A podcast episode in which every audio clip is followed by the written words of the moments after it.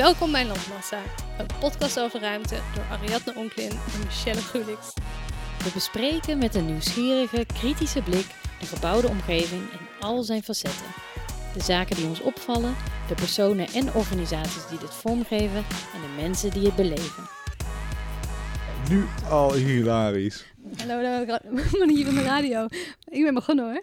Oké, hi. Hi, hey Mich. Hey Ari. Wat zit je te eten? Ja, macaron, want uh, we zijn vandaag bij iemand anders op de koffie. Hoewel er geen koffie is. Van koffie ziet het er anders behoorlijk theeachtig uit. Mm -hmm. Ah, wel zwarte thee. Ja. Want waar zijn we? We zijn op een kantoor. We zijn op een kantoor. Hint, hint, hint. Uh, nee, we hebben vandaag onze eerste gast in onze podcast. Stefan Peterman is onze Goedemiddag. gast. En um, het is dus een primeur voor Landmassa. Wow, I'm deeply bent... honored. Ja? ja deeply honored. Nee, um, ja, we gaan het vandaag hebben over kantoren. We hebben een thema-aflevering, wat we natuurlijk eerder ook al wel een paar keer hebben gedaan. Ja. En, um, maar dan altijd solo met z'n tweeën? Ja, en dat was zoveel uitzoekwerk dat we dachten... Fuck, dan... we zoeken gewoon iemand die die iemand in ieder geval boek heeft geschreven. Dan. Precies. Nee, en ook voor de gezelligheid. Het is altijd leuk, toch? Om een extra stem te horen. Zeker, maar wie, wie is het dan? Vertel. Ja, nou, ik heb dus een bio uh, uh, opgeschreven. Niet ChatGPT, maar ik heb echt zelf... Had je moeten doen. Het was echt ja, hilarisch. moeten doen. Het, het, het, is een hilarisch ding wat je krijgt. Ja, oké. Okay, nou, ga ik even... Oké, okay, je bio. Stefan Peterman is architectuurhistoricus en architect. Hij is hoofdredacteur van Volume Magazine en heeft zijn eigen multidisciplinaire bureau, genaamd MAN. Stefan werkte van 2006 tot 2019 voor OMA, waar hij oprichter Rem Koolhaas assisteerde bij de lezingen en onderzoeksprojecten van het bureau. van de show, hè? Rem onze vriend van de show. Ja? Dat is onze droom dat we ooit ook met Rem kunnen babbelen. We hebben het altijd elke we zeggen altijd dat hij vriend over... van de show is. Ja, ik heb, ja, nu je het zegt, ik heb het wel eens gehoord. Ja. Ja. Ik, zal, ik zal het aan hem doorgeven. Ja. Heel graag, ja. Ook was hij mede verantwoordelijk voor het curatorschap van de architectuurbiennale in Venetië in 2014 en de daarbij horende vuistdikke publicatie. Hm?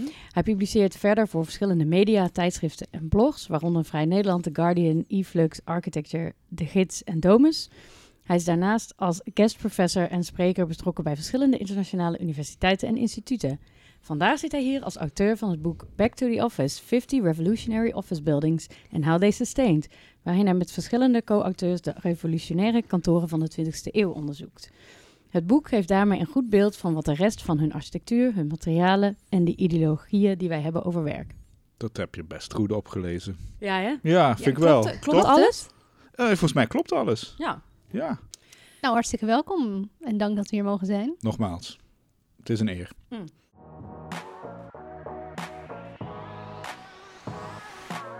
We gaan het dus hebben over kantoren, maar kun je even schetsen in wat voor kantoor we nu zitten? We zitten nu in een kantoor dat eigenlijk een half klaslokaal ooit was. Van een uh, ambachtschool, de Hendrik de Keizerschool in Amsterdam. Uh, dat nu al sinds, denk ik, een, zeker tien jaar, waarschijnlijk, waarschijnlijk langer, uh, ja, als een soort creatieve broedplaats is begonnen. Maar nu is het een soort van half creatief, half uh, talencentrum. Kan je even omschrijven? Want je zei al, we zitten in een half uh, klaslokaal. We zitten hier op gispen stoeltjes. Hoe Ja. omschrijf je verder de vibe van jouw kantoor? Wat, heb je, wat was de keuze om het zo in te richten? Normcore. Was het gewoon puur praktisch? Ik heb boeken, dus ik moet boekenkasten? Of ja, daar staat hij wel een heel indrukwekkende Ja, precies. Dat, ja. dat, dat, dat, dat is eventjes het status, eh, het status dingetje om ergens eh, wat veel boeken neer te zetten en daarmee een soort aura van intellectualiteit Mhm. op te kunnen roepen bij de mensen. Ik, ik zie het meer niet echt als een, ik heb het nooit echt als kantoor gezien. Het is meer gewoon een, ja, een chillplek? chillplek. Ik, ik heb ook nooit zo'n, ik heb, ben zelf totaal niet eh, geobsedeerd met kantoren, ondanks dat ik er een heel dik boek over heb geschreven. Ja, want, hoe, is, hoe is dat eigenlijk gekomen? Van je zat hier één dag en je dacht ineens, ik heb zoveel passie voor kantoor. Dit kantooreiland? Nee, nou, er is wel, er is wel, eh, zeg maar, er zijn wel dingen over dat ik me stoor aan bepaalde type kantoren. Specifiek eh, van die soort van Silicon Valley-achtige eh, scheidkantoren met van die, van die glijbanen en al die playful shit. Ehm, dat, daar ben ik echt, echt... Ik ben een keer met OMA zijn we in, ook in Silicon Valley geweest. En zijn we bij Facebook langs geweest, bij, bij Google, Oh. bij al die dingen. Cool. En het, het voelde echt letterlijk alsof iemand mijn nek wilde dichtknijpen als ik daar rondliep. En wat was, het, ja, wat was het dan dat je... Nou, er was zo'n opgelegde sfeer van, oké, nu gaan we nu gaan we, nu gaan we hebben. happy zijn, nu gaan we plezier hebben, nu gaan we doen. En nergens een soort van, oké, eh, doen, laten we gewoon doen wat we moeten doen en het op een topniveau doen. En dan eh, gaan we daarna weer naar de stad en gaan we feesten of gaan we andere leuke dingen doen. Maar dat, ik weet niet, dat soort, die vorm van obsessiviteit. Ik, bedoel, ik, ben, ik ontken niet dat ik eh, gevoelig ben voor obsessiviteiten. Maar die vorm, dat vond ik zo... Is dat ook niet een beetje ah, een dat soort happy ehm, peppy. secteachtig? Zo van blijf maar, blijf maar in Cult. onze bubbel. Ja, Ja. zo'n cult. Ja, precies. Ik heb toen ook een stuk, stuk voor Vrij Nederland over geschreven. En daar eh, ook dat, dat het eigenlijk wel maf is dat het een van de rijkste plekken op de aarde is die ergens totale middelmatigheid uitstraalt. En dan af en toe een soort van decor van happiness eroverheen plakt met wat kleurtjes en wat eh, goede bedoelingen. En dat was wel, dat was een van de, van, de, van de redenen om het te doen. Eigenlijk een veronderstelling dat je net voor creativiteit dat soort ruimtes nodig hebt. eh, onderuit te halen. Omdat ik, ik geloof wat dat betreft echt niet dat een, eh, een bepaalde kleur in een kantoor dat die leidt tot een hogere creativiteit of dat soort eh, significante verbanden over, over waar je bent. Ik word ook een beetje eh, met, met als ik met Rem op reis was, ging het er ook vaak om dat we eh, onze lezingen en onze teksten, et cetera, voorbereiden. Meest op de meest miserabele plekken die we konden bedenken en vinden. En dat we daar allebei een soort van eh, plezier uithalen over. Kijk hoe fucking miserabel deze plek is. En hoeveel nonsens eh, bureau ta- taal op de achtergrond waren met allemaal mensen die business, corporate ventures aan het eh, bestieren waren. En, en we alle, allebei altijd een beetje zachtjes moesten lachen terwijl we bezig waren. Als een soort commando's. Dus je hebt aardig wat verschillende kantoren mee gezien in je leven al. Jawel, jawel, jawel. Nou, wel echt natuurlijk heel erg lang gewoon bij OMA. eh grootste deel van mijn kantoortijden meegemaakt. Maar wel, eh, ja, inderdaad, dat is het, een van de aantrekkelijke dingen van architectuur. Is natuurlijk dat je bij iedereen een beetje langskomt. En eh, Ja. je alles eigenlijk wel een beetje ziet. En hoe was het kantoor bij oma? Saai. En dat maakt het geweldig leuk. Gewoon, er was, nou, we hebben een keer een, ehm eh, Rem heeft een keer een presentatie moeten gegeven op, in Cannes. Ook over creativiteit. En toen eh, toonde hij een foto van eh, de cre- creative space bij OMA. En dat is een soort van eh, afgeracht balkonnetje met een soort halve staattafel met een, met een asbak. Kijk, dit en, en een heel trots soort van ironisch natuurlijk. Kijk, dit is waar onze creativiteit vandaan komt. nice, I love it. En was het toen dat je dacht, eh, wat, wat maakte nou dat je dat boek ging schrijven? Nee, nou, het, dit boek komt eigenlijk voort uit een, eh, ehm, wel een project van OMA. eh, Ja. Het nieuwe hoofdkwartier voor Axel Springer in Berlijn. En daarvoor werd OMA eigenlijk ge- gevraagd om een visie te hebben over de toekomst van de kantoren. En die ontbrak eigenlijk op dat moment in- binnen OMA. En ik werd erop gezet met een aantal mensen om een soort studie te doen van oké, wat is de future of workspaces? En toen hebben we eigenlijk als test hebben we twaalf verschillende workspace future visions van verschillende takken van sport langs elkaar gelegd. Eh, dus vanuit eh, consultancy tot IT, tot eh, real estate perspectief, tot ook andere architecten, hoe zij nadachten over de toekomst van het kantoor. En als architectuurhistoricus ja, vond ik het gewoon absurd dat nergens ooit een keer een bestaand pand werd genomen en zei van oké, kijk, dit hebben we ooit toen gedaan en dit is het resultaat. Maar dat er altijd een soort van gespeculeerd moet zijn, worden over de toekomst, zonder stil te staan bij het heden of wat, wat Wat er al was. ja, of, of de laatste 50 jaar aan ontwikkeling, alsof daar niet iets uit te halen valt die dat wel degelijk nog steeds heel relevant is. Steeds het wiel opnieuw uitvinden. Dat, Ja, dat zit ook natuurlijk ingebouwd een beetje in dat stomme systeem van die consultants, dat ze eigenlijk worden gevraagd om iets nieuws te bieden. En dus dus als zij daar komen van, ja, eigenlijk eh, dit kantoor uit de jaren 60 is eigenlijk perfect. Ja, waarom zou je ze dan geld geven daarvoor? Ja. Ehm, Maar het is ja. meer iets nieuws doen om iets nieuws te doen. Ja. En niet per se. Terwijl misschien het werk wat mensen in die gebouwen doen ook weer niet zo heel veel is veranderd in de tussentijd. Of is dat Nee, dat ja. iedereen heeft een schermpje bepaald- gekregen? Ja, precies. Het is iets met schermen. Maar als je bijvoorbeeld, eh, we hebben de oudste Ernst Neufert, dus de bouwontwerpsleren. Dat, dat, het oude handboek waarin je de standaardmaten voor de, voor de playpot, et cetera, vindt. Eh daarop nagezocht, de eerst, in de eerste editie in 1937 was een eh, gemiddeld eh, bureau 1,56 meter breed. En ondertussen is het 1,60 meter. Dus we zijn in 70, 80 jaar tijd zijn we 4 centimeter opgeschoven. Zo zo. Dus dat geeft maar weer aan dat het toch wel ja, qua innovatie misschien, ja, er zijn wel dingen veranderd qua eh, ik veel welzijn en dat lichttoetrainingseisen en stoelen en ergonomie. Maar tegelijkertijd eh, is het ook weer niet zo heel innovatief allemaal. Wat is het aller, aller, allereerste kantoor in de wereld? Dat nu nog actief is? Nee, ja, gewoon waar komt het concept kantoor vandaan eigenlijk?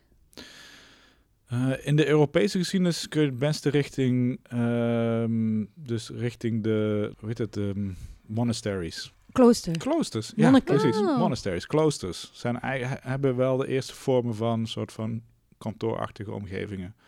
En het oudste nog in bedrijf zijnde kantoor is volgens mijn weten het Postolinisch kantoor van de paus.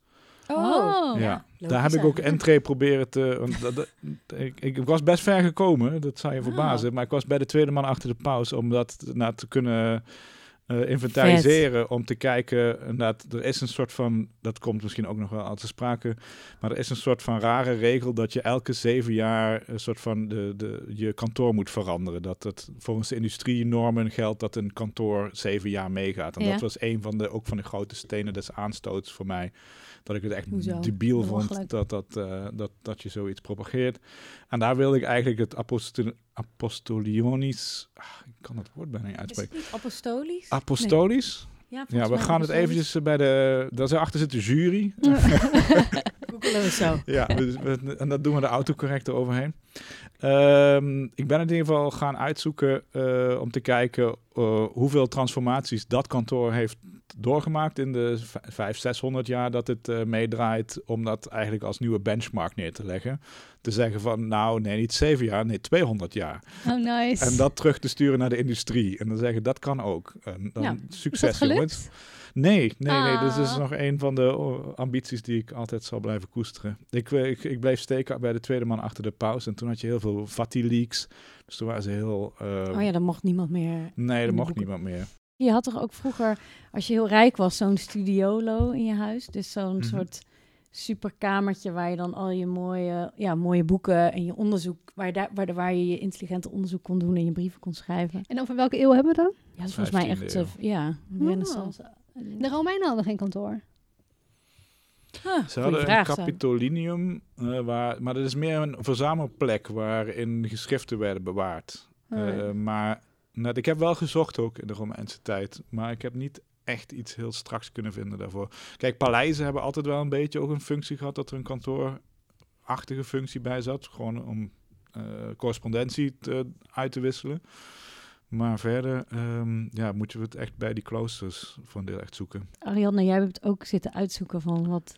Nou, ja, is nou voor een de luisteraars, uh, Ariane heeft een Ja. hele stapel papieren met allemaal dingen heel, netjes roze in roze markeringen en met notities. Ja, serious business. Nee, ik heb gewoon een document van de RCE erbij gepakt.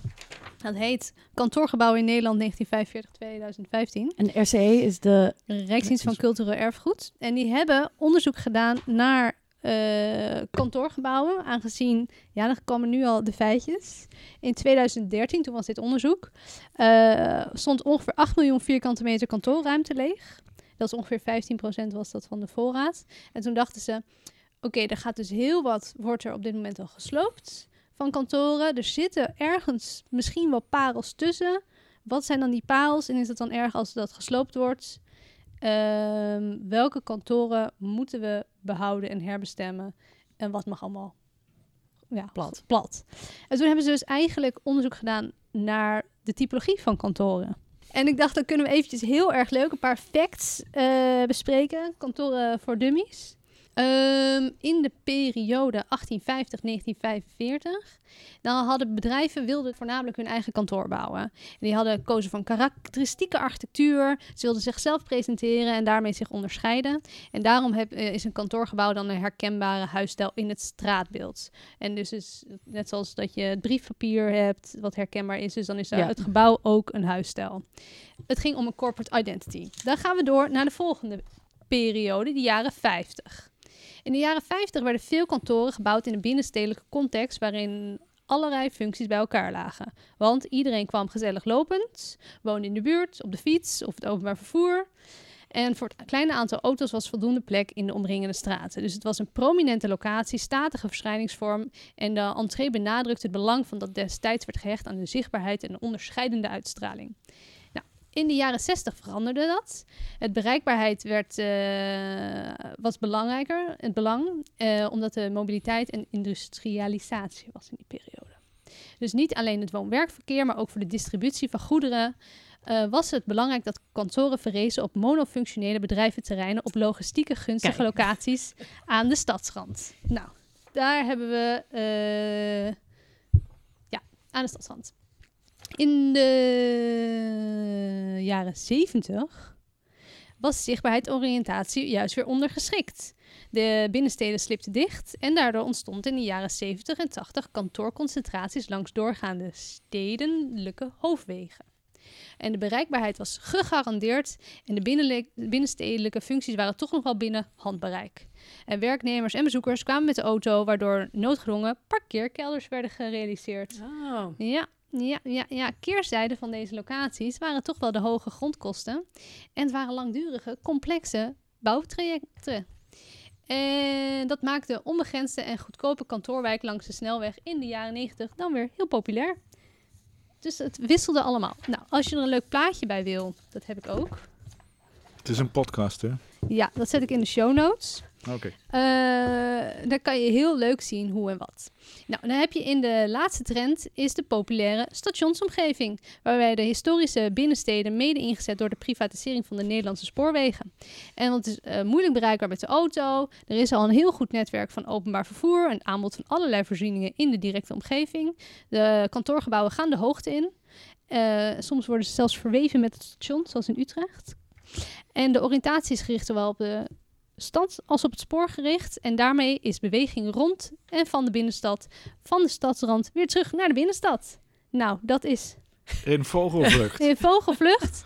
Ik kan me herinneren dat het document ook allerlei informatie had over naar het- wat nou wel naar het potentie had en dat ze wel echt heel veel case studies ook hadden gedaan. Ja, hebben ze ook. Eh, ja, maar Niet dat die heel boeiend zijn voor deze podcast nu, maar wel om op te zoeken laten als je ergens... eh, het was wel echt heel goed onderzocht, vond ik. Maar wat ik er ook uithaal is dus eigenlijk dat ehm, kantoren in het begin zaten allemaal in de binnenstad, lekker centraal. Ja. Toen is een hele periode geweest dat, dat het juist was van, nou, nou ja, Sloterdijk, zeg maar. Dus Mhm. je ging uit de stad uit. Maar nu zijn we weer op het punt dat het weer centraal Juist. in de stad is, maar dan bij vervoersknooppunten, omdat dat slim is. Precies. En de kantoortuin, die is niet van recente tijd. Ik dacht altijd, recent hebben ze de kantoortuin uitgevonden en het functioneert nooit. Maar in de jaren zestig al. Toen kwam de kantoortuin al op. De, de kantoortuin komt eigenlijk uit de VS. En er zijn eigenlijk twee geschiedenissen van eh, kantoorontwikkeling. Die in Europa, eh, die stamt een beetje terug inderdaad op die kloostergeschiedenis. In Amerika is het meer een improvisatiegeschiedenis, waarbij er met de industriële revolutie waren even fabrieken. En op een gegeven moment gaan ze steeds meer eh, kantoortjes aan die fabrieken vastbouwen. Eh, waarbij je dus eigenlijk ook een hele andere daglicht, sorry, daglichtrelatie hebt. En het veel sneller is dat je gewoon midden op een, arbeid, op een werkvloer, kantoor of überhaupt bureaus neerzet. Eh, en die traditie die is hier nooit zo sterk geweest. Bij ons was het toch vrij snel gescheiden. Van oké, kantoor is iets aparts van de fabriek of van de werkhal. Terwijl, en eigenlijk dat Amerikaanse concept is net met het einde van de Tweede Wereldoorlog door een aantal Duitsers eigenlijk naar eh, Europa gehaald. Eh, eh, Duitsland keek natuurlijk op dat moment heel erg op richting Amerika en dacht gewoon eigenlijk dat alles wat Amerika kwam gewoon goed was. Die Duitsers hebben dat eigenlijk verder uitgewerkt en verder nog gerationaliseerd. Die hebben bijvoorbeeld die eerste kantoorconsultants hebben echt vrij indrukwekkende overzichten gemaakt van hoe zit nou precies wie ten opzichte van wie en waar gaat informatie nou in, zeg maar, en waar moet die naartoe en zorgen dat je daarbij zichtlijnen hebt voor- tussen je collega's, zodat iedereen meteen eh, weet waar hij aan toe is en dat, het, dat de baas op een mooie democratische plek zit, dat iedereen overzicht heeft over elkaar. Dus we willen af van die, die kleine celletjes. Ja. En van het versnipperde en van het ook oncontroleerbare dat erin zit. En we, we gaan voor één grote open vlakte die we verder met kunstmatige technologie, dus met, eh, met eh, neonlicht, eh, zeg maar, die ook het daglicht al reflecteerde. met extreem goede airco's maken we eigenlijk een soort totaal natuurlijke omgeving die wel degelijk ja, mega ruim en breed is. En, en dat is de toekomst van de werkplek. Maar dat heeft ook te maken met dat het ehm, platte organisaties werden, toch? Dat heb ik gelezen Ja. hierin. Dat het niet meer ehm, dat de baas bovenaan staat in de piramide, maar dat het een beetje plat werd en daarom de kantoortuin ook. eh, Ja, precies. Het is ook inderdaad ook een, een democratisch symbool eh, in die zin. Dat er inderdaad geen geheimen zijn, dat alles transparant is en dat alles open is. Ehm, maar het, het grappige is dat net van die eerste eh, kantoortuinen die in Europa zijn gerealiseerd, met name in Duitsland eh, in de jaren 60, 70, dat was ook een van de redenen waarom ik eh, met, mijn, met mijn onderzoek begon. Was dat er inderdaad die, die tijd die wordt beschreven over, over de idealen uit die tijd en waarom ze dat zo doen. Eh, maar je krijgt altijd alleen maar een aantal plaatjes eh, daarvan eh, geserveerd. Ehm, een, aantal van die, van die hele messy plattegronden, waarbij het soort van totale jungle is met een totale chaos van bureaus. En ook wat foto's van de interieurs. Maar nooit eigenlijk een foto van het exterieur. En nooit ook een foto die na een paar jaar is opgenomen. Dus dat was eigenlijk mijn, mijn eerste eh, nieuwsgierigheid van, goh, eh, ja, hartstikke leuk, eh 70 jaar geleden, maar wat staat er nu er nog nu? van Ja. overeind? En toen ben ik dat gaan uitzoeken voor een aantal gevallen. eh, en ehm, dat was niet makkelijk. Ehm, ik heb net via via heb ik wel wat locaties kunnen vinden.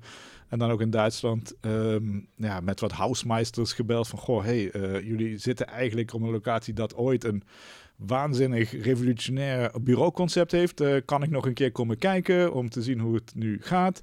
Hij zei, nee, nee, nee, dat kan helemaal niet. Want we, ze hebben een heel saai standaard rotkantoor. Dus we moeten we moeten vooral niet hierheen komen. en ik, En? van, nou, ik wel, Ja. ja, toch blijven Juist wel. vast. Ja, nee, ik, dat wil ik juist heel graag. Dus ik heb hem echt op, op die mensen ingepraat. En toen ben ik na een paar kunnen gaan.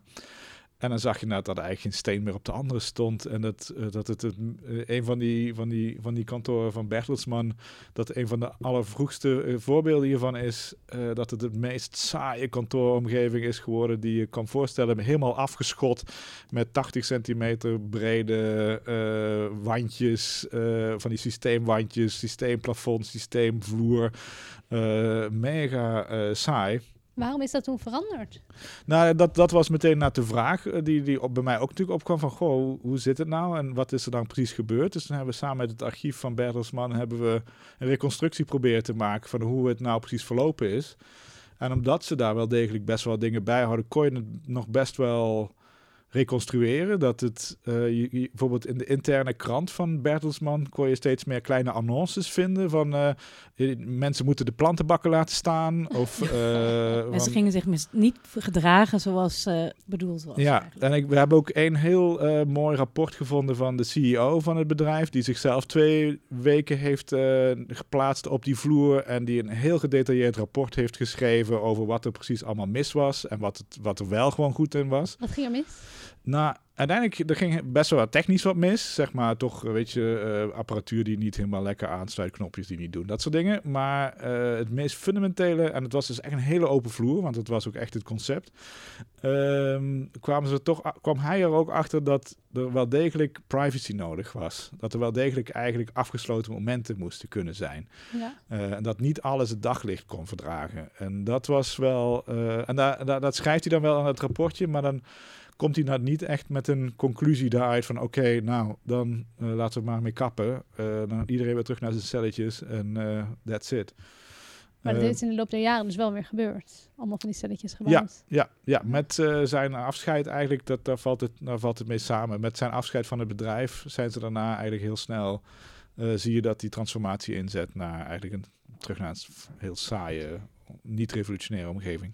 Maar dat idee had ik sowieso wel. Dat ehm, bij heel veel van dit soort kantoren... dat het zoveel te maken heeft misschien met hoe ze eruit zien... welke directeur er zit. Net als, ik moet ook denken aan... we hebben ook zo'n aflevering gedaan over museumarchitectuur. Ja. Dat elke museumdirecteur... die moet op een of andere manier iets fysieks achterlaten. Dus een aanbouw of iets weghalen... Gewoon omdat dat dan laat zien dat je iets nieuws doet. Het Mhm. fysieke is het makkelijkste om te laten zien... ik heb iets voor elkaar gekregen. ja. Maar is dat bij kantoren ook niet zo? Dat het heel erg te maken heeft van, oh, eh, poppetje is er weg eh, en er komt een nieuw iemand en die moet even laten zien, even spierballen tonen, zeg maar. Ja, we hebben ook in het onderzoek wel echt proberen te kijken naar die, ook die relatie tussen de opdrachtgever en, en de architect. En je ziet wel dat er echt een correlatie is op het moment dat er een, een echt een gepassioneerde opdrachtgever is en een gepassioneerde architect, dat je een hogere kwaliteit eh, gebouw eruit krijgt die dat langer meegaat. Dus dat is ook wel echt wel een van de conclusies eh, die we kunnen trekken. En dat zit dan met name wel net in de jaren 60, 70 moet ik zeggen. Eh, helaas wel allemaal vrijwel man, behalve Phyllis Lambert natuurlijk, die met, samen met Mies van der Rohe eh, werkt aan het Seagram Building. Ehm, maar je ziet wel dat daar inderdaad een, eh, een, een sterke relatie zit tussen inderdaad de rol van de eh, opdrachtgever. En die, net, die ook in architectuurboeken altijd vrij onderbelicht is. Eh, ook voor heel veel projecten moesten we echt heel erg diep graven om überhaupt te vinden wie eigenlijk de opdrachtgever was. Terwijl ze toch ook, ja, dat weet je ook vanuit je architectuurpraktijk, dat ze toch een enorme stempel drukken op een proces en Mhm. enorm aan de knoppen zitten. Maar eigenlijk nooit worden erkend daarvoor. Of ook gewoon ook in positieve zin en in negatieve zin. Ja, want dat maakt ook een verschil in kwaliteit, heb ik gelezen in de afgelopen dec- decennia. Dat als je een kantoor bouwt voor de verhuur, is het vaak heel anoniem, saai, standaard kantoor inderdaad. Maar als je echt zelf de opdracht geeft, is dat net zoals bij Booking wat nu wordt gebouwd. Dat is natuurlijk, zijn natuurlijk ook opdrachtgever. Die zet ook wel een aardige stempel neer. Ja. maar dat zijn wel echt een minderheid op dit moment, zou ik zeggen. Ja. Dit is, nou- en dat is wel echt een gevaar. En dat is ook wel iets wat we Mhm. signaleren, dat hoe meer inderdaad het soort van een, gewoon een anonieme glazen doos is, hoe ook hoe verkwistender met resources wordt omgegaan, hoe vaker dingen worden vervangen, hoe, ehm, ja, hoe minder duurzaam het eigenlijk voor een deel wordt.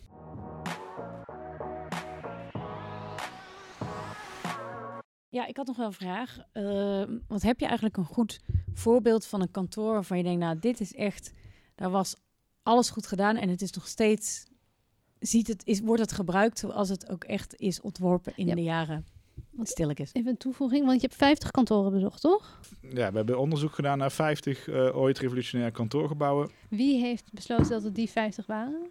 Ja, dat is een gemeenschappelijk proces geweest met Roet Bouwmeister, eh, die, de gemeens- die de andere, eh, de co-auteur is van het boek. Ja. Eh, ja, en het is wel gebaseerd op een aantal historische werken. Dus de, de, je ziet ook in de jaren 50, 60 komt er behoefte aan specifieke architectuurboeken die gaan over kantoren. Dus dan heb je een aantal typologieboeken. En daar heb ik met name uit, uitgeput als soort van, als zij zeiden dat het iconisch of revolutionair was, dan vonden wij het een aanleiding om ze op zijn minst in overweging te nemen. En daarna is er wel degelijk ook een proces geweest waarbij je toegang moet krijgen tot die panden, of dat ze nog zijn of niet. En, en dat is een heel lastig proces geweest. Want eh, het zijn allemaal verschillende eigenaren. Sommigen zijn er eh, meer trots op dan anderen. Eh sommigen die, willen, die, die zijn ook argwanend van, goh, waarom kom je in godsnaam, heb je hier interesse in? En Zijn er ook dus dingen, kantoren niet in het boek gekomen waarvan je wel dacht die zijn revolutionair, maar je kon niet in? Eh, ja, ja, ja, ja. En was het ook zo van, oh shit, we hebben er 48, we moeten er nog twee, nou ja, we pakken er even twee, of viel dat mee? Nou, het is bijna omgekeerd gegaan. Dat we eigenlijk te veel hadden. En, en eh Marieke van der Heuvel, die de grafische vormgeving heeft gedaan van het boek, eh, was eigenlijk al helemaal aan het drukken van minder, minder, minder. En wij dachten van, oh ja, maar die, ah, maar kom op, die moeten we toch eigenlijk hebben. Ja, kom ja, ja. Hij zag ook wel, het was een van de lastige dingen met bijvoorbeeld oudere kantoren, dus voor de Tweede Wereldoorlog erin stoppen. Want we, het systeem werkt dus volgens het boek dat we ook, eh, foto's zijn heel belangrijk. Dus we hebben eigenlijk altijd ook foto's van de oplevering als uitgangspunt genomen. Dus de, de money shots uit die tijd. En daar maken we dan eigenlijk eh, diezelfde foto, maar dan vandaag. En die zetten we tegenover elkaar. Dat is een belangrijk ingrediënt van het boek. En, eh, en daarvoor heb je dus wel zowel buiten als binnen foto's nodig. En het toeval wil eigenlijk, of, of het, gekke wil dat van oude gebouwen zijn altijd buitenfoto's eh beschikbaar, maar nooit binnenfoto's. En van nieuwe gebouwen zijn eigenlijk altijd binnenfoto's, maar geen buitenfoto's meer beschikbaar. Eh, dus dat, dat was ook eigenlijk een, eh, een criterium dat een beetje mee ging spelen op een gegeven moment. ja. Oh, wel grappig. Dat zegt natuurlijk ook wel iets dat nu de foto's gemaakt worden voor de verhuur. Dus gewoon om iemand erin te krijgen. Ja. En vroeger was het natuurlijk inderdaad het PR-plaatje van je. Ja. Dan moest je de buitenkant was het belangrijkste natuurlijk. Ja, ja maar precies. nu is dat precies. totaal omgekeerd. Bijvoorbeeld Oscar Niemeyer heeft een aantal heel mooie kantoorgebouwen eh, gemaakt, maar daar zijn geen interieurfoto's van. Nou, die vielen dan af. dat, was, eh, ja. dat was heel jammer. Het zijn wel mooie gebouwen. Maar heb je dus een voorbeeld van een bepaald kantoor waarvan je denkt, dit heeft echt de tand destijds goed doorstaan? En het is nog steeds vergelijkbaar met hoe het ooit is bedacht? Ja, er is, er, is, één heel specifiek kantoor dat echt wel heel opvallend is. eh, is in Aarhus in Denemarken. is het, eh, het stadhuis. eh, waar ook een flinke kantoorfunctie in zit. Het gebouw is uit 1947 eh, van Arne Jacobsen. En ehm, ja, ook als je in het boek de foto's bekijkt, dan is het hilarisch dat er eigenlijk, eh, als je, we hebben bijvoorbeeld de, de, kamer van de burgemeester ge- eh, gefotografeerd en dus de oude foto's daarnaast. En dan is alleen eh, de boekenkast is iets anders georganiseerd en er is één tapijt ver- verdwenen. Maar in die andere 75 jaar is er volgens mij geen ruk gebeurd.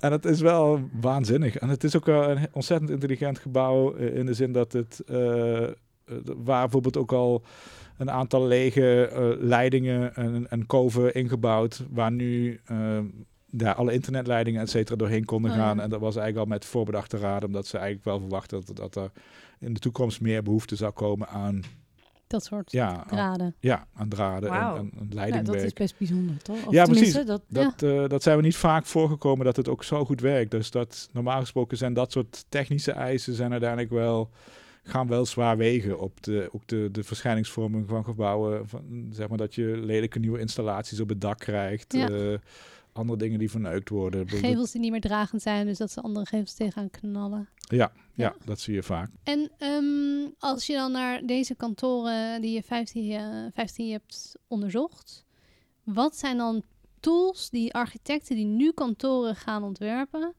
moeten meenemen, zodat hun kantoor ook blijft functioneren in de toekomst? Ten eerste natuurlijk het boek kopen. Dat, is de Waar allerbeste. het boek? Waar koopt het boek? Vertel.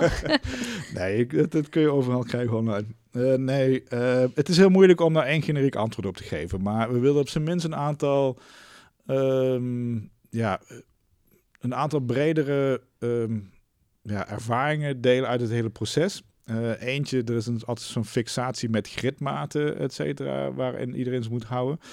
Eh, we hebben daar ook naar gekeken van, goh, welke gridmaat doet het nou beter dan een andere? Nou, daar komt niet echt één specifiek gridmaat voor die beter is dan een ander. Ja. Eh, dus dat is eigenlijk een soort van, nou ja, misschien moeten we die discussie over die gridmaten misschien wat minder voeren. Ja, wel dat soort dingen over overmaat en over net zorg dat je eh, bij installaties eigenlijk ook over de toekomst al nadenkt. Maar ook het toevoegen van ide- identiteit inderdaad is een belangrijke eh, ding waarmee je ziet dat er gewoon die spullen langer meegaan. Alles wat custom built is, zit er vaak nog gewoon in. Terwijl alles wat generiek is al vier keer ehm, eruit gesloopt is en weer opnieuw aangebracht is. Dus dat zijn wel eigenlijk ehm, dat zijn wat subtielere tools die ontwerpers wel kunnen voorstellen aan opdrachtgevers, ook met het oog op rendement. Eh, in de toekomst. Van ja, je kan nu wel een goedkoop systeemplafonnetje erin knallen, maar ik kan je bijna op een briefje geven dat die over, na over tien jaar eruit liggen. Terwijl als je voor andere opties gaat, waar we dus best wel veel documentatiemateriaal voor hebben, dan is de kans dat die langer dan tien jaar meegaan een stuk hoger. En het wordt dus ook wel weer interessant qua investeringen op die manier. Als ik naar mezelf kijk, ik werk nu in een kantoortuin.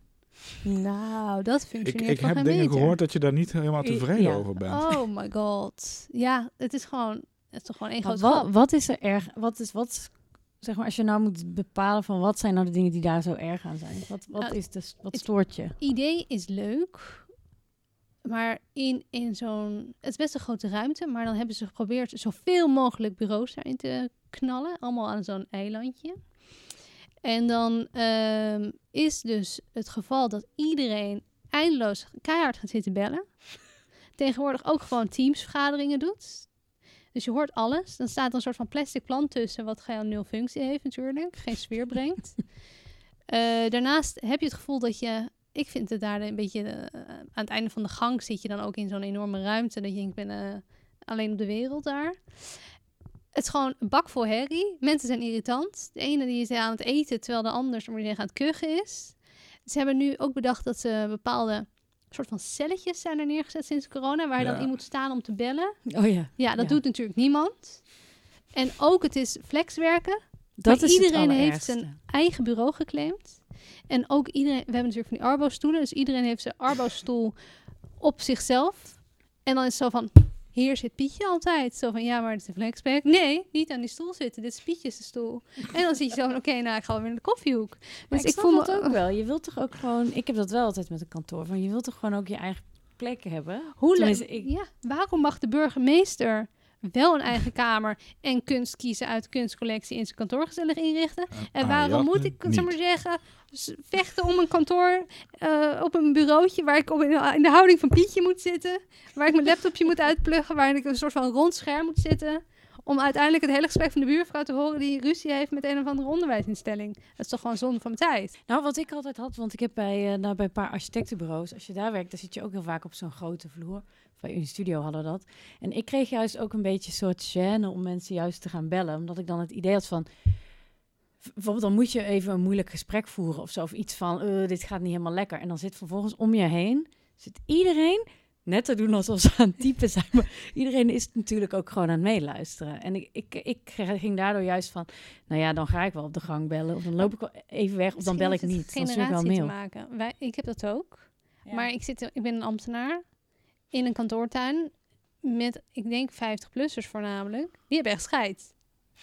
Van, fuck it. Ik, Ja. eh, ik rule deze bende. Ja, gewoon, ik maak wel even hey. Maakt niet uit. Ik heb zelfs een koptelefoon gekocht waar ik geen geluid door hoor. Ja, dat is hartstikke goed. Maar dat Ja. is toch ook een eh, effectieve manier om je af te sluiten dan? Ja, oké. Misschien valt het wel mee dus. Dus we proberen ook een beetje therapeutisch te zijn hier om je een Ja. beetje te helpen in je dagelijkse Ja, beslommering. maar als dit mijn kantoor zou zijn, Hm. Ik zou mijn handjes dichtknijpen. Als ik elke dag hier naartoe mocht. Je mag hier elke dag komen. Nou, dat Moet je alleen naar, dan moet je naar mijn gezeik over onderwijsinstellingen, et cetera, moet je wel aanhoren. Maar ik weet dat andere afdelingen bij mij, die hebben bijvoorbeeld wel allemaal hun eigen kantoortje per twee. Dus het Hm. is ook een beetje zo van, ja, balen dat je bij die afdeling Ja, het, is, zit. het wordt nou, binnen die kantoor, kantoorconsultancy clans, dan wordt het eigenlijk, is het bijna een ritme van 15 jaar. En dan komt het ene weer naar het andere toe. Dan moeten we inderdaad weer allemaal naar de kantoortuin. Dan moeten we juist weer allemaal uit de kantoortuin. Ligt er een beetje aan hoe de fiscale basis eh, op dat moment eh, staat. Of, of er nog genoeg omzet is. Eh, en dan moeten we het weer, terwijl volgens mij, ik dacht dat er ergens een onderzoekje heeft ge- uitgetoond. Ik heb het niet helemaal scherp, maar ik dacht dat twee derde, een derde, dat dat een soort van verhouding is die relatief goed werkt bij meeste soorten kantooromgeving. Dus twee derde open vloer en dan Mm. een derde gesloten kantoren. Ja.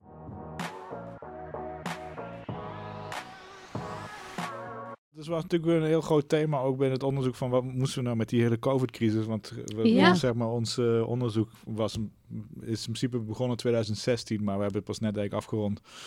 En toen kregen nou ook vaker genoeg vragen van, goh, wat moeten we nou? Is er dan niks meer? Eh, en ja, ik vind het nog steeds heel moeilijk in de zin van dat ik, eh, ik heb, ik zie de meerwaardes van kantoren als plekken waarin je echt met elkaar iets productiefs kan zijn, dat je in je eentje gewoon niet redt. Maar inderdaad, de soort van de, de, de vormen van irritatie die het opwekt en de soort van standaardisering en het soort van doorgemalenheid ervan die jij ervaart, bijvoorbeeld, het is inderdaad iets dat nog steeds ook heel veel voorkomt waar je echt niemand net gelukkiger van wordt en ook niet noodzakelijk is, wat mij betreft. Maar eh nog, nog heel veel over je boek. Ja. We hebben het over die 50 kantoren. Kan je er even eentje laten zien wat jouw favoriet is? Dat je hem openslaat en zegt, nou dit, daar gaat mijn hart sneller van kloppen. Of is het alsof het 50 Oh. kinderen zijn? Ja, en... precies. precies. Geen favoriet. Nee, dat is wel echt... eh, ik vind in Nederland in ieder geval het Van Leer eh, kantoor. Dat is ook echt wel... eh, dat is in Amstelveen eh, van Marcel Breuer. Eh, dat was ook semi-historisch heel belangrijk, want het was voor Nederland een van die eerste, na die, die vertrek vanuit de binnenstad richting eh, het land, zeg maar. Dat je met je auto vanuit je nieuw, net nieuwbouwwijk ehm, ehm, naar de buitenkant van de stad eh, ging om te werken. En ook een super luxueus opgezet bureau met een opdrachtgever die, die ook echt gelooft in architectuur en ook echt het, het beste voor zijn medewerkers voor had. Dat is echt een correspondentie over, over hoe die... Het is eigenlijk de zoon van de baas die de, eigenlijk de, de, de leiding over dat project heeft. En die, die spoort zijn vader aan om nog meer geld in het kantoor te steken. Want het moet het, het allerhoogste zijn, het beste zijn. En zo van de Egyptenaren moeten we even naar, eh, zeg maar, in ons kantoorgebouw. Ehm, en daarna, na het, het, ja, gaat, het, het is het kantoorgebouw met het hoogste plas, eh, plafond op dat moment in Europa. Volgens mij 5,5, 6 meter Oh. open hoogte. Ja, het is waanzinnig mooi. En ook wel open vloer.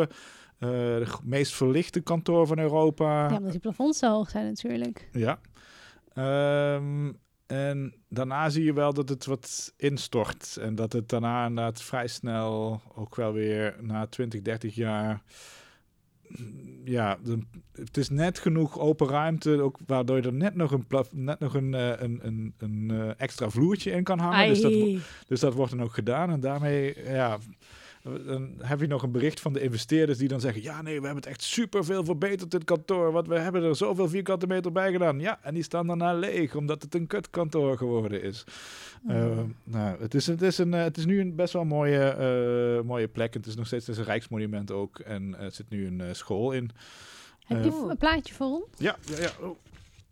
Oh. Ja. En dit, hier kwam je dus ook echt binnen. Echt, dit was de showroom van de Van Leer Vatenfabriek. Ze waren heel goed in het maken van vaten en sluitingen.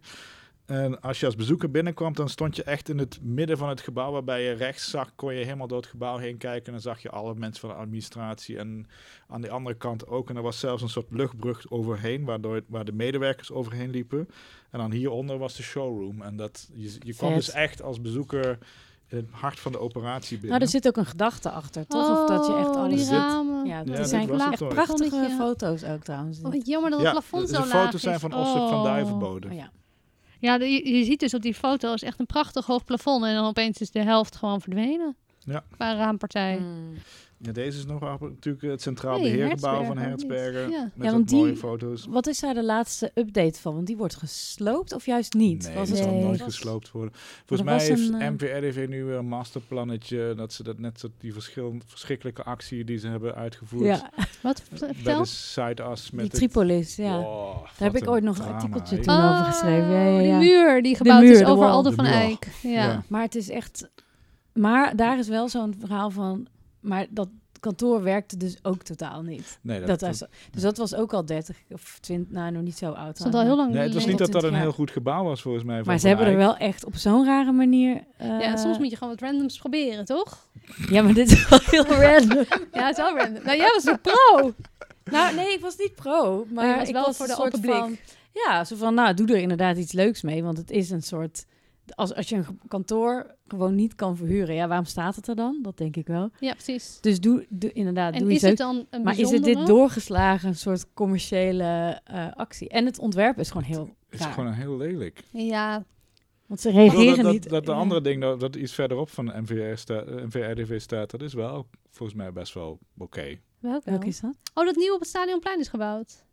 Nee, weet je, gewoon de, dat be- beroemde dat over, overal ook heeft Oh, de Valley. De Valley. De Oh, Valley. Valley. Daar hebben we het ook nog over gehad. Ja, daar zeiken wij Daar. ook wel altijd een beetje. op. Ja, want het zijn Maar hele dat ziet er op zijn minst nog een beetje oké uit. Nou, daar zit een idee Maar- achter. Ja, er zit een idee nog achter. Maar dit was ook een idee, gewoon we bouwen een muur. We bouwen er iets overheen. Ja. Ja, het- ik vind het wel een grappig. slecht idee. En dit gaan ze dus ook voor eh, Hertzberger doen. Nou, ik weet niet of ze deze strategie gaan toepassen, maar het is, het is, het is inderdaad een heel moeilijk gebouw. Ik, ik heb Ja. inderdaad in het boek hebben we twee interviews. Eentje met de projectontwikkelaar die er op dat moment mee bezig Zo was. leuk. En aan de andere kant met Herman eh, hebben we ook gesproken. En dan Herman die een beetje boos wordt en verdrietig wordt, eh, zoals die doet. En terecht ergens wel hoor. Um, um, maar ook wel nog steeds in een soort van fantasie leeft van... Van hij zegt van ja, het is zo flexibel opgezet, het is zo flexibel. Herman, het is niet zo flexibel. Anders was er nu wel weer iemand ingekropen. Anders stond het niet de hele tijd leeg. Maar dus dat dat, is jammer. Dus, maar tegelijkertijd, ik vind het een waanzinnig mooi gebouw. Het is heel mooi gedetailleerd, met heel veel liefde. Je ziet het. En, en ook als je de, ja, de... We hebben de oorspronkelijke krantenrecensies, et cetera, opgezocht over mensen die die wilden loon opgeven, o- o- zolang ze maar in dit gebouw konden blijven eh, werken. Er waren allerlei nieuwe dingen in. Zeg maar de eerste koffiebar, waar je dan zelf je eigen kopje koffie mocht gaan halen, was erin geïnstalleerd. Het was volstrekt eh, revolutionair en echt wel eh, ja, mooi en leuk. Eh, maar dan ja, zo'n tragisch einde, dat, is, dat gun je hem natuurlijk niet. Maar tegelijkertijd ja, zegt dat natuurlijk ook wat over de tijd. Ja. Nou, dat is wel een heel verdrietige... We moeten wel optimistisch eindigen, deze podcast, vind ik. Want wat... er- ze- ehm, De je gebouwen van Erosynen, die, die doen het wel. Ja. Eh, en dat is, er is bijvoorbeeld de eentje... gouden standaard, denk ik. Ja, de Bell, eh, Bell Labs eh, in New Jersey. Eh, dat is ook een mega groot, 200.000 vierkante meter kantoorgebouw. eh, dat door Bell eh, als soort van onderzoekslaboratorium werd gebruikt. En daar is inderdaad een maffe, redelijk maffe projectontwikkelaar eh, gekomen. En die heeft dat echt weer aan de praat gekregen zonder het te verkrachten. Eh, ondanks dat hij niet zo'n getalenteerde interieurontwerper heeft, is het echt weer een heel mooi, eh, echt in eer. ehm, Hoe, hoe dan? Ehm, ja, omdat dat gebouw van zichzelf ergens... Er zit een kwaliteit in Sarinens werk die wel degelijk heel veel karakter geeft, eh, waar je niet aan wil komen, maar tegelijkertijd doet het het ook gewoon nog na jaren. Dus het is niet zo dat je het over vijf jaar bij het zat en dan ga je iets nieuws bouwen. Tegelijkertijd heeft het wel karakter en dan heb je het wel het idee van, oh ja, dit is wel een impressive ervaring en een gebouw. Eh, ja, die moeten beelden er denk ik maar misschien bij zien. Anders ik weet niet of ik het juist genoeg kan uit, uitgelegd Ja, die gooien we op de Insta. Ja, dat is Ja. goed. En ehm, dan nog de, een grote vraag. Zit er iets bij waarvan je denkt... We hebben nu zoveel kantoren gehad, maar ze zijn iets vergeten. Als we dit toevoegen aan een kantoor, dan gaan we alle kantoren voor altijd behouden. Is er, of denk je, het wiel wordt gewoon elke eh, zoveel jaar opnieuw uitgevonden? Ik zou, ik zou het wel leuker vinden als er weer meer functiemenging is geko- gekomen. Inderdaad, de, de grootste fout die gemaakt is, denk ik, is inderdaad om de Sloterdijks aan te leggen. En dat we daar een soort geen goede verhouding in hebben weten te vinden in hoe integreer je ja, dit soort werk, kantoorwerk met leven. Eh, en waarom moet je nou inderdaad een heel eind verderop gaan zitten om dat met z'n allen op die manier te doen? Kunnen we daar niet iets innovatiever in werken? En ehm, ja, wat dat betreft eh, dus is ook eigenlijk best wel heel veel goed gegaan met kantoren. Hoor. Eh, heel, ook dat, dat, dat gaat het onderzoek voor een deel ook over dat ze eigenlijk best wel goed herbestemd kunnen worden, omdat ze vrij hoge plafondhoogtes hebben, redelijk goede eh daglichttoetredingen door, doorgaans. Dus ehm, zolang ze een goed fu- fundament hebben en een goede structuur hebben die gewoon naar flexibiliteit naar de toekomst eh, waarborgt, denk dat we gewoon heel veel kunnen doen. En, en je hebt opdrachtgevers nodig die, die ook weer ballen hebben en die gewoon iets ook van zichzelf willen kunnen uitdrukken en ergens soort van een, met karakter in, in willen inzetten. Ik denk dat dat het grootste eh, ding is dat ik zou voor zou willen pleiten. En als je je bureau gigantisch groot gaat maken... en je mag zelf Het ooit is je opdracht meer- Oh, pardon, nog groter. groot. En je moet maar zeggen, je groeit dit kantoor uit. En het is ook de markt al uitgegroeid. En je denkt, ik ga zelf mijn eigen kantoor bouwen. Wat is dan je grootste voorbeeld? Ehm, ik denk eh Erosainen, eh maar dan eh, met John Deere. Eh, Van de tractoren. Ja. Vertel even voor de... Is ook echt een waanzinnig verhaal over hoe ehm ja, Sainen eh, met, met de eh, dan CEO van, van ehm, John Deere, eh, Bill Hewitt, ja, echt een soort van parallele klik met elkaar hebben, waarbij ze volgens mij een paar woorden met elkaar wisselen en, en ze gewoon echt voor een keihard nieuw soort van kantoorgebouw is gaan. Eh, met ook eh cortenstalen buitenkanten, ehm, super gla- veel glas. Verder naar het echt het Madman kantoor is daar eigenlijk stiekem, dat is eigenlijk de, de echte genesis daarvan. Het is echt een eh, waanzinnig mooi gedetailleerd. Aan alles is nagedacht. Elk detail werkt nog steeds. Dus dat is eigenlijk wel een gold standard die je wel eigenlijk moet, moet zien te raken. Had jij nog leuke vragen, Mich? Nee, ja, we zijn er allemaal. Het, is, het was een heerlijke ramble-chat die, eh, die alle kanten op ging. Maar alle vragen zijn wel zijn langsgekomen. Dus het, eh, I love it. Ja, Ja. Ik heb vet veel geleerd. ja, ik ook. Dankjewel Dankjewel. Dankjewel. voor deze fantastische eerste gast ehm, optreden en al Kan jouw alleen kennis. maar beter worden. Noem Alle nog kennis en even, liefde. Ja, vertel even nog even het boek. vertel nog even boek. Waar kunnen we het bestellen? Ik denk bij Eh, Bol. het boek heet Back to the Office. En we kunnen het bestellen natuurlijk bij, eh bij bol.com, bij Amazon. Maar natuurlijk veel liever bij NAI, eh booksellers Of of de andere of boekhandel. plaatselijke boekhandel. en, eh, Heb je ook nog ergens gesigneerde exemplaren waar mensen voor naartoe moeten? Eh, nou, ze kunnen hier komen, naar dit eh, kleine kantoortje. Nou, dan moet je even meenemen. mailen. teken ik alles. Dan wordt er wat gesigneerd. Ja, contracten, you name it. Ik, ik onderteken het. Super. Dankjewel. Dankjewel. Graag en, gedaan. Ik eh, vond dit heel erg leuk. ja, ik ook. Nou, Ehm, Volgende keer weer een andere gast. Ja, volgende keer bij Landmassa. volgende keer bij Landmassa.